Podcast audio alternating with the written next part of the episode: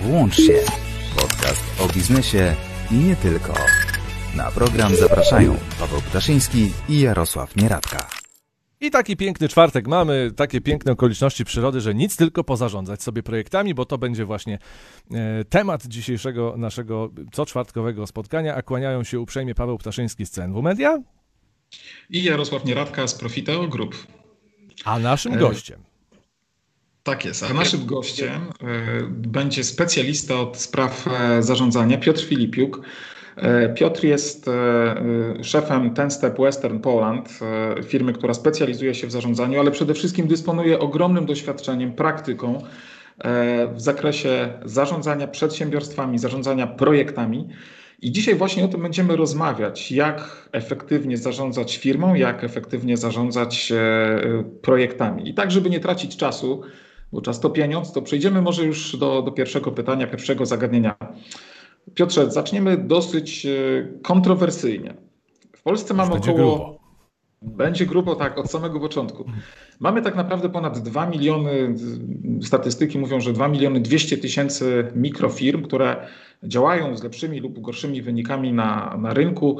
E, ich właściciele samodzielnie zarządzają firmami, prowadzą inwestycje, wdrażają nowe produkty, usługi i założę się, że w znakomitej większości ci przedsiębiorcy nie posiadają studiów w zakresie zarządzania, nie posiadają ukończonych kursów czy, czy, czy szkoleń w tym zakresie.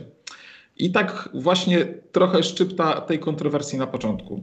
Jeżeli gospodarka się rozwija, mamy przyrost PKB, e, firmy też radzą sobie, nawet w tym okresie pandemii, to może ta wiedza w zakresie zarządzania, umiejętności jest trochę przereklamowana.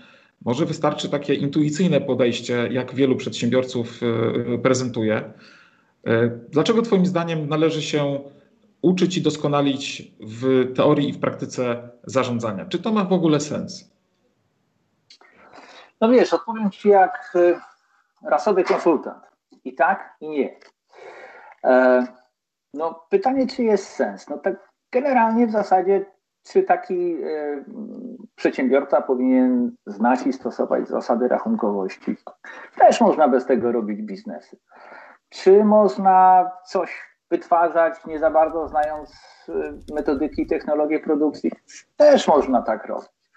E, więc ba, kiedyś przed wojną, znaczy kiedyś w czasie, w czasie wojny bolszewickiej, był taki dowódca e, po stronie radzieckiej, nazywał się Wasylij Czapaj. I on słynął z tego, że on miał taką swoją jedną podstawową technikę e, związaną z e, walką, a mianowicie stosował tak zwane rozpoznanie bojem, rozwiedka boja, czyli leciał na kura i albo wygrywał, albo przegrywał. Przeważnie przegrywał, ale czasami też wygrywał. Bo jak ktoś ma szczęście w życiu, to wygrywa w totolotka, to mu się biznesy udają.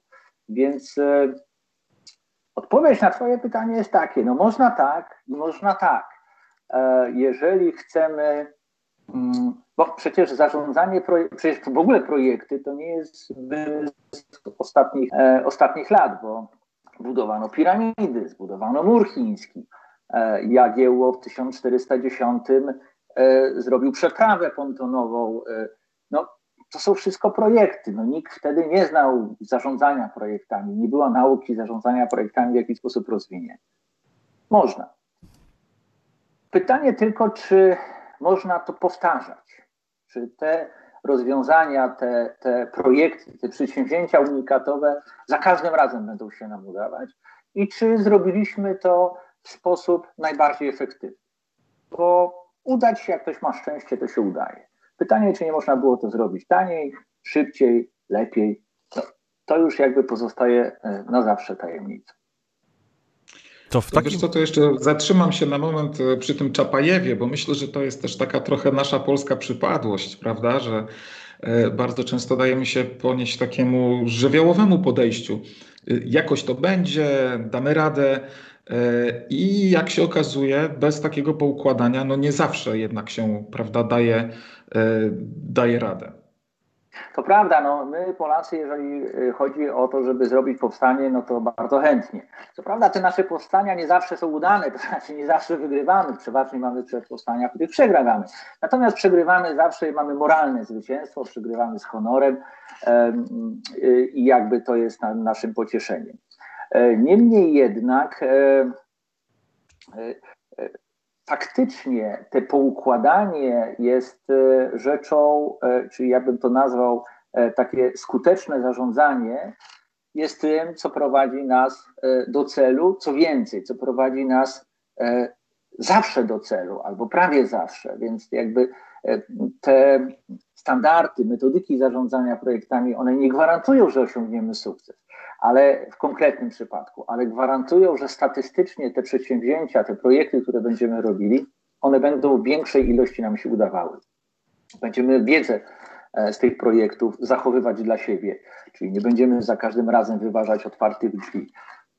A to masz rację, że jeżeli chodzi o zarządzanie projektami, no to ten taki zapał e, słomiany, hura, tak naprawdę obserwuję y, u wszystkich swoich klientów, że jeżeli już zaczynamy rozmawiać o zarządzaniu projektami, no to wszyscy robimy. Natomiast zaraz przychodzą te rzeczy takie jak harmonogramowanie, jak to, że trzeba przemyśleć, co jest do zrobienia w projekcie, a wiadomo, że myślenie to wysiłek, to boli, prawda? A jeszcze jak to trzeba zrobić w pewnym takim reżimie, to znaczy nie na zasadzie, że napisać, co mi się wydaje, tylko według pewnego algorytmu. E, czyli wprowadzać, wprowadzić taki, taką dyscyplinę umysłową dla siebie i dla zespołu, no, no to, jest, to, jest, to jest problem. I duża część jakby rezygnuje, mówi, w zasadzie to, e, wie pan, fajnie jest, tylko my nie mamy czasu, żeby tutaj tak e, rozmawiać, bo my, bo my projekt musimy robić. Tak? Musimy w końcu tam to budować, więc nie będziemy się zastanawiać, jak to zaplanować, jak tym zarządzać, po prostu trzeba budować. No. Często też i szef właściciel mówi, co by tam takie tracicie czas na jakieś tam pierdoły, zabierzcie się za robotę, za robotę, czyli róbcie coś, ruszajcie się, prawda? Bo jeżeli siedzę i myślę, zastanawiam się, planuję, przewiduję, no to nie jest robota. Bo jak robota, to się musi ruszać, musi sprawiać wrażenie, musi zostawać w pracy do 20, prawda? No to znaczy, że coś robi. Natomiast jeżeli tylko myśli, e, planuje skutecznie, e, przewiduje, co będzie, potrafi przewidzieć, jest przygotowany na, no to nie, to, to nie jest taka robota. To w takim razie i w jaki sposób zdefiniować zarządzanie e, projektowe? Bo jak w ogóle rozumieć projekt? Żebyśmy trochę e, tutaj uściślili tę e, terminologię, bo projekt to się wielu ludziom kojarzy, dobra, projekt unijny, czyli jakąś kasę trzeba wziąć, prawda? No, to jest pewna różnica, bo jakby w tym takim potocznym rozumieniu projekt to jest tak naprawdę wpisanie wniosku do Unii o pieniądze. Prawda? To ma to samo tyle wspólnego z zarządzaniem projektami, co Kino Luna z podróżą na Księżyc. E, zarządzanie projektem, projektem, czyli czymś unikatowym, jakimś unikatowym przedsięwzięciem. I teraz tak, jeżeli masz fabrykę w tej fabryce produkujesz gwoździe, to produkuj sobie gwoździe i nie rób z tego projektu. Natomiast jeżeli masz coś wyjątkowego, unikatowego, robisz pierwszy gwóźdź ze złota, albo robisz gwóźdź dla NASA, dla wyjątkowego klienta, bo oni będą, nie wiem, używali do promów kosmicznych albo do czegoś innego. Albo robisz takie same gwoździe, ale musisz w krótkim czasie zrobić ich pięć razy więcej. Wszystko to, co się zwiąże z pewną unikatowością, z wyjątkowością, to jest projekt. No i teraz problem polega na tym, że to jak te gwoździe robiłeś na co dzień, no to masz obcykane. Wiesz, że Zdzichu robi to, Basia przynosi skrzynki, e, Marek wkłada coś tam, pakuje. Więc to jest wszystko zrobione. Natomiast masz teraz rzecz unikatową, wyjątkową. No i możesz to robić właśnie metodą Czapajewa, czyli jakoś to będzie. Hurra, jak się weźmiemy, to zrobicie. Ale możesz też skorzystać z doświadczeń ludzi, którzy zebrali dobre praktyki, e, zebrali wiedzę z iluś tam setek tysięcy projektów i opisali to w formie pewnych procesów, pewnych prawideł bo zarządzanie tymi wyjątkowymi, unikatowymi rozwiązaniami jest oparte na pewnych prawidłach, na pewnych prawdach, na pewnych doświadczeniach e, i po prostu z tego trzeba skorzystać. Trzeba się uczyć, najlepiej się uczyć na doświadczeniu, e, z tym, że moim zdaniem lepiej na czyimś niż na swoim. No, ale są tacy, którzy, ja ich nazywam wulgarnymi empirystami, którzy muszą sami doświadczyć, że gorące jest gorące, prawda? No i wtedy jakby ta wiedza jest w nich mocniej zakodowana. Więc zarządzanie projektami to jest zarządzanie rzeczami unikatowymi, wyjątkowymi, które mamy do wytworzenia w naszej firmy. Czy to będziemy robić gwoździe, czy oprogramowanie do sterowania e, satelitami. E, Piotrze, istnieje wiele metodologii zarządzania e, projektami. Myślę, że taką najbardziej znaną to jest pewnie Prince, ale można by było wymienić jeszcze tutaj kilka. Natomiast powiedz mi, czy mm, jest jakaś taka uniwersalna metodologia, którą równie dobrze moglibyśmy zastosować do na przykład inwestycji polegającej na budowie mostu, jak i do na przykład wdrożenia nowej usługi e, aplikacji e, na e, urządzenia mobilne. Czym się one różnią, te metodologie? No więc metodologie, metodyki, standardy, niektórzy mówią frameworki, w zależności o, o, o, czym mówią. Ja to nazywam pewnymi standardami związanymi z zarządzaniem projektami. No, czasami e, e, różni e, jajogłowi z obszaru zarządzania projektami zastanawiają się, czy Scrum to już metodyka, czy jeszcze framework. Prawda? No i potrafią na to prowadzić długie dyskusje. Generalnie praktycznie mówimy o pewnych standardach zarządzania projektami. E, sta, ten standard, te jakby ten zbiór dobrych praktyk, y, opis tych procesów, y, narzędzi, czyli te metodyki czy standardy y, są różne, bo to są narzędzia i moim zdaniem one służą do różnych rzeczy. Jak każde narzędzie, trzeba umieć z niego skorzystać. Jeżeli weźmiemy sobie młotek i będziemy trzonkiem bijać gwóźdź, to raz bijemy jeden, drugi, trzeci. Przy piątym gwoździu ten młotek nam się rozwali. No i Niektórzy wyciągają z tego taki wniosek, no młotek nie nadaje się do bijania gwoździ, prawda? No przecież empirycznie widać, że on się rozpadł. No, no rozpadł się. No ale oczywiście y, to jest tak, że używamy źle to narzędzie, bo młotek trzyma się za trzonek, a wbija się obuchem, a nie odwrotnie. Tak samo z tymi standardami. Trzeba używać odpowiednio do tego, do czego zostały stworzone. Jeżeli już wspomniałeś o Prince, to jest bardzo dobry standard. Sam jestem certyfikowanym PM w Prince e, i muszę powiedzieć, że jest to bardzo dobre narzędzie do zarządzania dużymi, złożonymi projektami w, obszarze, w sferze public, czyli na przykład w administracji, ale także na uczelniach. Mówię o takich projektach organizacyjnych. Natomiast e, gdyby, e, gdy mówimy o jakichś złożonych, szybkich, dynamicznych, małych projektach związanych z tworzeniem oprogramowania, e, to na pewno metodyka Scrum. Standard, który jest jednym z takich najbardziej rozpowszechnionych e, rozwiązań agile'owych, czyli zwinnych. Słowo agile dzisiaj zresztą jest takie bardzo modne, robi dużą karierę. E, co prawda często się zdarza, że jak wchodzę i ktoś mi mówi, że agile, prawda, to ja tam widzę tylko bałagan i to nie, nie każdy bałagan jest agilem, prawda, a, a, a, często, a często tak, tak e, PM-owie to nazywają. Ale jest to, jest to metodyka, która się sprawdza w projektach z obszaru IT, która się sprawdza także w branży na przykład marketingowej, branży eventowej. E, natomiast jeżeli chodzi o biznes, e, no to generalnie przede wszystkim dominuje tutaj standard e, ustanowiony przez Project Management Institute, czyli największą na świecie organizację zrzeszającą ludzi, którzy zawodowo zajmują się E, zarządzaniem projektami. E, powiem, że my e, tutaj w Zielonej Górze, w ogóle w Polsce mamy bardzo silnie działający chapter, czyli taki, taki hmm, taką, jakby to powiedzieć, lożę tłumaczyć, no w każdym, tu, w każdym razie taką grupę osób i jeszcze dodatkowo mamy oddział w Zielonej Górze, tutaj oddział lubuski, który jest bardzo, bardzo dynamicznie działa pod, pod przewodnictwem doktora Roberta Wysuskiego. Więc to jest organizacja, organizacja społeczna, tak jak Stowarzyszenie Księgowych, Stowarzyszenie Elektryków Polskich, Stowarzyszenie Mechaników i inne różne stowarzyszenia. Ta organizacja na całym świecie zbiera dobre praktyki i raz na jakiś czas ustanawia standardy zarządzania projektami, czyli zbiera te dobre praktyki. E, no i tak naprawdę większość projektów biznesowych realizuje się w oparciu o PMBOK.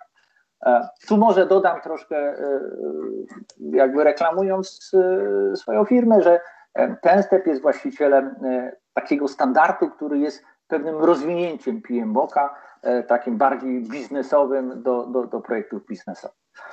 Reasumując, można stosować, można i trzeba stosować różnego rodzaju metodyki, narzędzia do zarządzania projektami, ale trzeba wiedzieć, które do czego. Czyli każde narzędzie jest dobre, jeżeli używamy go we właściwy sposób do właściwych rzeczy. No okej. Okay. To metodologia metodologią i tak dalej, tabelki tabelkami, mamy harmonogramy, mamy Excele, mamy arkusze do wypełnienia, ale w tym wszystkim i tak no. najbardziej chyba zawodną rzeczą jest co? Czynnik ludzki. To jak przygotować ten czynnik ludzki w filmie, żeby tam się nam wszystko nie rozjechało? Niech co, no sprawa jest też stosunkowo prosta, e, tak w opisie. No, mianowicie e, zarządzanie projektami jest umiejętnością. Umiejętność, jak każda inna, e, to jest pewna kompetencja. Ją trzeba wyćwiczyć. To nie jest, znaczy tej wiedzy jest tam stosunkowo niedużo.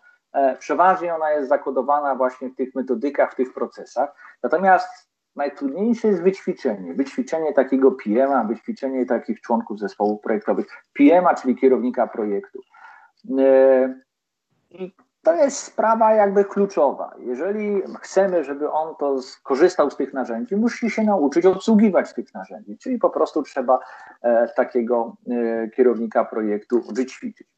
Od razu mówię, że wysłanie go na kurs pod tytułem E, dwudniowy kurs pod tytułem Uczymy zarządzania projektami e, nie ma większego sensu biznesowego. Znaczy, owszem, to jest jakiś aspekt, żeby sobie mm, e, jakby zaspokoić ciekawość, Natomiast no, nikt nie nauczył się jeździć na nartach, oglądając mistrzów z jazdy na YouTubie, prawda? No, trzeba zapiąć deski, zaliczyć parę e, upadków, wiadomo, przyciąganie ziemskie 9,81 kg na metr.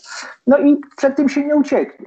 Tak samo e, obsługa, e, tak samo zarządzanie projektami. Trzeba pod okiem jakiegoś, nie lubię tego słowa, trenera, ale no jakiegoś kogoś, kto się zna na tym zarządzaniu, przećwiczyć najlepiej ćwiczyć to na własnym projekcie. Prawda? Nie na jakichś teoretycznych tam, typu budujemy budę dla psa i tak dalej, tylko na jakichś rzeczywistych projektach. I to jest najlepszy sposób, żeby się nauczyć. No i to jest tak jak z tym jazdą rowerkiem. Najpierw się y, y, dziecko tam uczy na tym rowerku i tatuś czy mamusia trzymają za kijek, prawda? W pewnym momencie puszczają, to dziecko jeździ samo, prawda? A kończy się na tym, że y, bierze, siada na rower, robi 60 kilometrów, prawda? Wraca i, i jakby już jeździ samodzielnie tym rowerem w przyszłości. Więc y, rola takiego tutaj mm, coacha, konsultanta jest po to, żeby trzymać y, ten kijek przy tym rowerku i pomagać i wiedzieć, w którym momencie puścić, żeby ten, kto się kto ćwiczy, kto, kto nabywa tej umiejętności, mógł sam to zrobić, no bo w przyszłości on będzie sam to. No i tak to wygląda. Czyli oczywiście człowiek jest najważniejszy, no i chodzi o to, żeby był wyćwiczony. Można nie ćwiczyć tego PM. Może sobie się sam do tego dochodzić. To znaczy, e, na rowerku też się tacy uczą, że prawda, nie ma tego kilka, tylko pada, wstaje, pada, wstaje. Im bardziej zawzięty, tym częściej wstaje. E, e, część zostawia rowerek, już na niego nie wsiada, a część jednak w końcu po jakimś czasie jeździ na tym rowerku. Można też i tak. To jest kwestia wyboru. Można sobie wybrać sposób metodyczny, można wybrać sposób intuicyjny, można uczyć się na czyichś błędach, można się uczyć na swoich błędach. Ja z wiekiem uważam, że każdy ma prawo do swojej drogi. Jeżeli ktoś chce głupio robić, a robi to na własny rachunek, to też ma prawo. Nie wolno mu tego zabrać. To tu od razu, wiesz co, rodzi się takie kolejne pytanie. Mm, e, kiedy, kiedy zapytaliśmy, kiedy Paweł zapytał o, o ten czynnik ludzki, e, czy to nie jest tak, że właśnie kompetencje miękkie odgrywają również bardzo ważną rolę w zarządzaniu projektami, w prowadzeniu projektów, bo bardzo często okazuje się, że ktoś czegoś nie wiedział, ktoś czegoś nie przekazał, więc y, mówię tutaj o tym aspekcie, o tej płaszczyźnie takiej komunikacyjnej, bo ona wydaje się mimo wszystko, że jest jednak podstawą, oprócz tego, że mamy wszystko pięknie, prawda, ułożone w harmonogram, w konkretny, e, w konkretny plan, no ale do tego to już chyba trzeba też trochę innego specjalisty, czy również specjalista od zarządzania może pomóc właśnie w rozwiązaniu tych problemów komunikacyjnych w firmie. Tak, aczkolwiek z mojego doświadczenia wynika, że problem z komunikacją to jest takie słowo wytrych. Jak nie wiemy, co nie działa, to mówimy, no kurczę, słuchajcie, no, mamy problemy z komunikacją, musimy coś z tym zrobić, tak? musimy poprawić komunikację. No i wszyscy się czują lepiej, bo wiadomo, że ta komunikacja to jest ważna sprawa. Przeważnie problem polega na tym, że nie umiemy delegować zadań. Przeważnie problem polega na tym, że nie umiemy tworzyć harmonogramu, bo harmonogram to nie jest podpisywanie dat, że 17 marca ma być to, a 19 maja ma być tamto, tylko harmonogram to jest zaplanowanie zadań według pewnego algorytmu, gdzie w wyniku tego planowania wyjdą nam jakieś daty.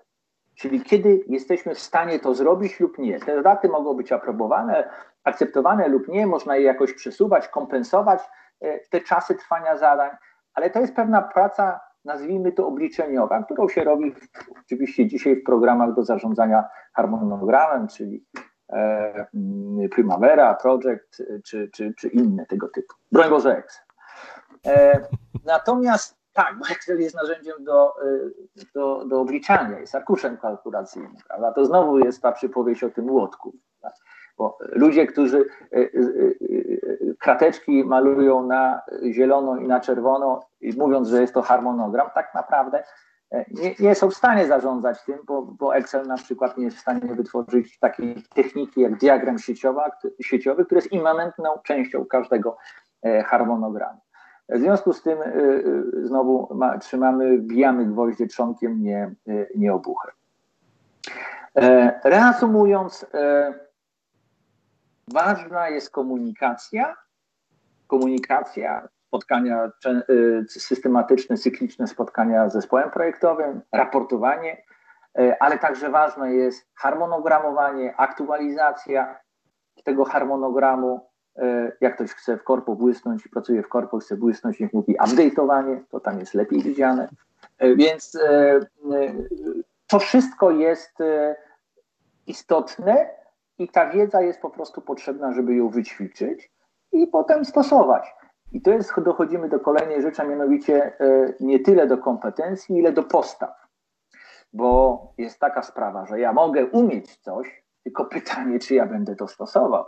I tu się odwołujemy z kolei do y, tych takich aktorów y, zarządzania projektami, których nazywamy sponsorami, czyli tych decydentów, te, ten top management bo można by ćwiczyć kierownika projektu w raportowaniu skutecznym, aktualizacji harmonogramu.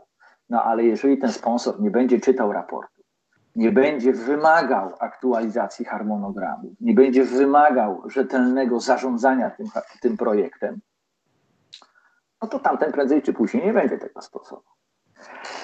A jeżeli chodzi o polskich sponsorów, no to, to z tym nie jest najlepiej, prawda? A dlaczego? Dlatego, że w dużej części e, taki jest, e, opowiem taki dowcip. E, kiedyś szejk chciał zbudować miasto na pustyni. No i mówi, spytam się w takim razie, poszukam sobie jakiegoś sponsora, który ma stajnie project managerów, żeby mi to, to, to miasto, zarządzali budową tego miasta.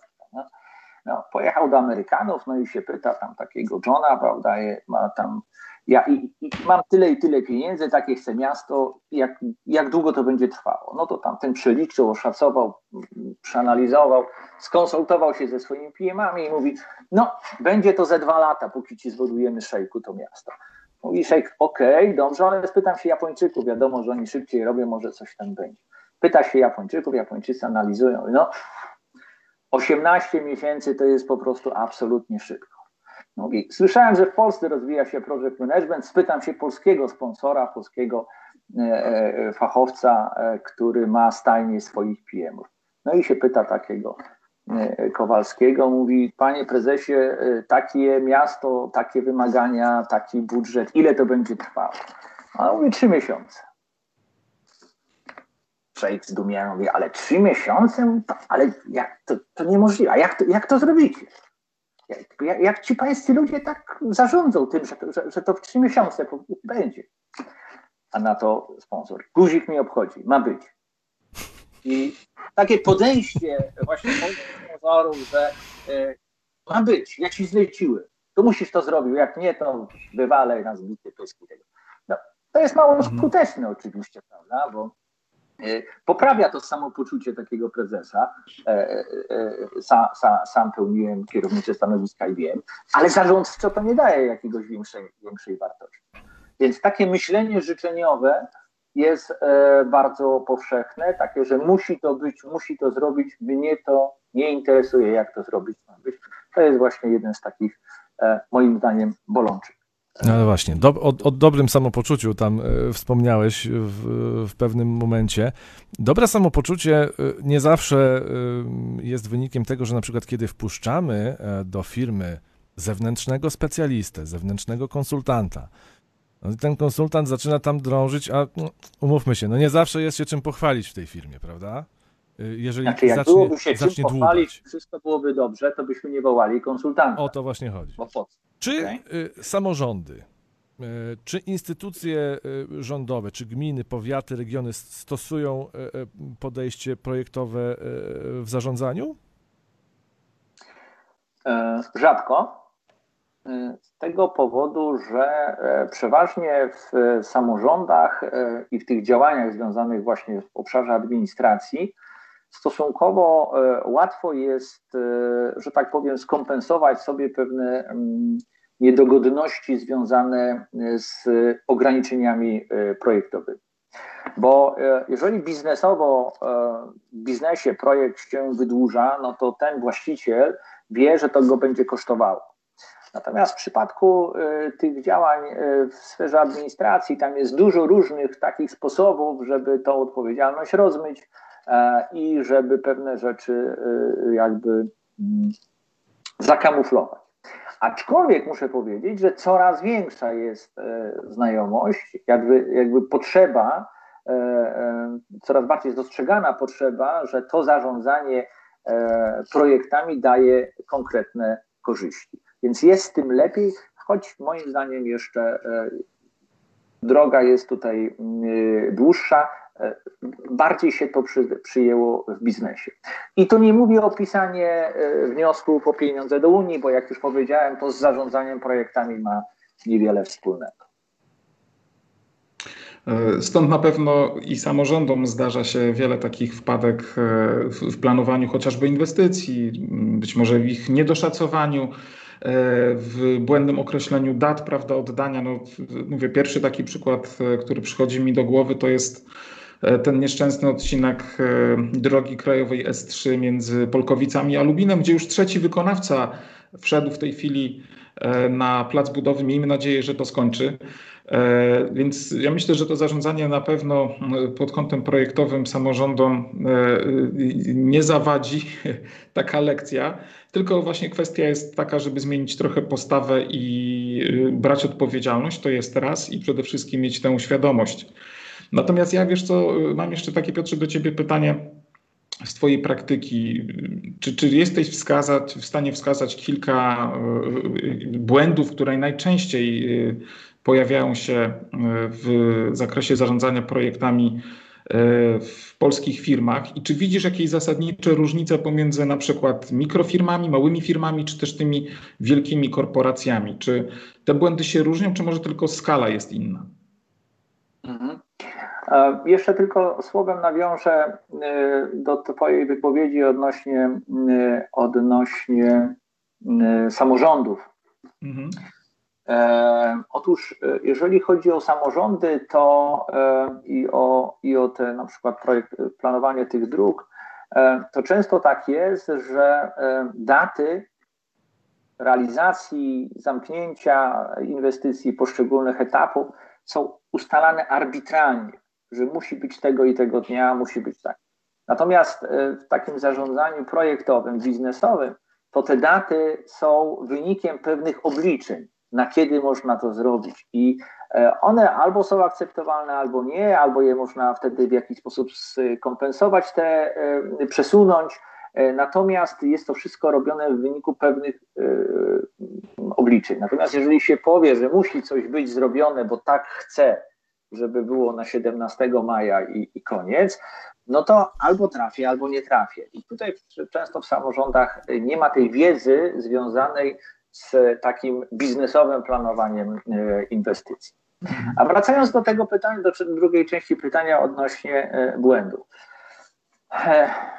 Katalog tych błędów jest duży. Pierwszy błąd, znaczy taki najważniejszy błąd, najczęstszy błąd, który ja dostrzegam w swojej pracy e, z moimi klientami, po stronie kierownika projektu, bo to teraz pytanie, czyje błędy, czy kierownika, czy sponsora projektu, czy członków zespołów projektowych, bo te role są różne, e, to jest to, że on nie aktualizuje harmonogramu nie, raz, że nie ma tego harmonogramu, a jak już ma zrobiony ten harmonogram, to przeważnie leży on na szafie obok instrukcji BHP i tam zakurzony.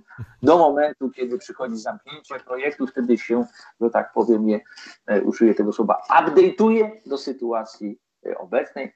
Kiedyś e, byłem na spotkaniu z pewnym marszałkiem pewnego województwa, gdzie w rozmowie e, e, wyszło, że oni nie mają problemów z projektami, im się zawsze projekty e, udają, zawsze są na czas. Ja mówię, no ale te harmonogramowanie, te jakieś odchylenia, nie, nie, nie, wszystko jest zawsze zgodne. No, śniłem się, mówię, może jakaś, kurczę, jest metoda tego, może będzie z tego jakiś artykuł napiszę, coś ciekawego. Więc zacząłem drążyć, o co tutaj chodzi. No i sprawa była dość prosta. To znaczy oni najpierw strzelali, potem wysowali tarczę. Czyli jak już się zbliżał koniec, to wtedy do tyłu aktualizowali harmonogram i on zawsze był ok. Mhm. Więc y, no, w biznesie tak nie można. E, kierownik projektu nie aktualizuje harmonogramu, w związku z tym nie wie, co się dzieje w tym projekcie. Nie wie, jak się zmienia ścieżka krytyczna, które zadania są zagrożone, a które nie. Trochę to przypomina jazdę bez trzymanki, z zawiązanymi oczami z górki. Znowu nie jest to wielki problem, bo są ludzie, którzy jednak dojeżdżają, są ludzie, którzy mają szczęście, są tacy, którzy się trochę pobijają, ale w sumie to dla nich nic takiego, bo jednak ważne jest, żeby dojechać szybko. Można tak i można tak, e, ale to jest najczęstszy. E, po stronie e, sponsorów to słynne ma być, to jest najczęściej, najczęstszym błędem, że sponsor po prostu mówi Iksiński masz to zrobić, jak to zrobić, guzik mnie to obchodzi powinieneś to zrobić, bo jak nie, to i tutaj jakieś tam sankcje. E, to jest taki przykład myślenia życzeniowego i takie myślenie życzeniowe często jest po stronie właśnie kierownika projektu i członka zespołu projektowego. Muszą to zrobić, bo oni muszą nam dostarczyć na 17 grudnia, a jak nie zrobią, a jak panie nie zrobią, przecież tam kary umowne są. Tylko ja pytam, czy kary umowne, to zarabianie na karach umownych to jest to, co jest nam potrzebne w firmie, czy jednak zrealizowanie tego? Poza tym, jaka jest ściągalność kar umownych, prawda? No to ona jest bardzo, bardzo mała. To są największe takie, największe takie e, brak systematycznego raportowania i to jest wina po stronie i kierownika projektu, bo tego nie robi, i sponsora, bo nie wymaga. Więc e, jeżeli tu takie, takie e, a propos sponsorów, decydentów, jeżeli nie wymagacie Państwo, Panie, Panowie, w swoich firmach rzetelnego harmonogramowania, rzetelnego raportowania projektów, rzetelnego zarządzania tym projektem, no to się nie dziwcie, że to nie jest robione. Zbliżając się powolutku y, y, do, do końca, to żeby nie zostawić y, takiego wrażenia, że niespecjalnie tam te projekty idą, to powiedzmy o jakichś dobrych praktykach. E, co na przykład e, w, w, w, Twojej ścieżce życiowej rzuciło Ci się w oczy, co mógłbyś dzisiaj na przykład powiedzieć o tej, o tej rzeczy, że to jest przykład dobrych, dobrych realizacji podczas zarządzania takimi projektami?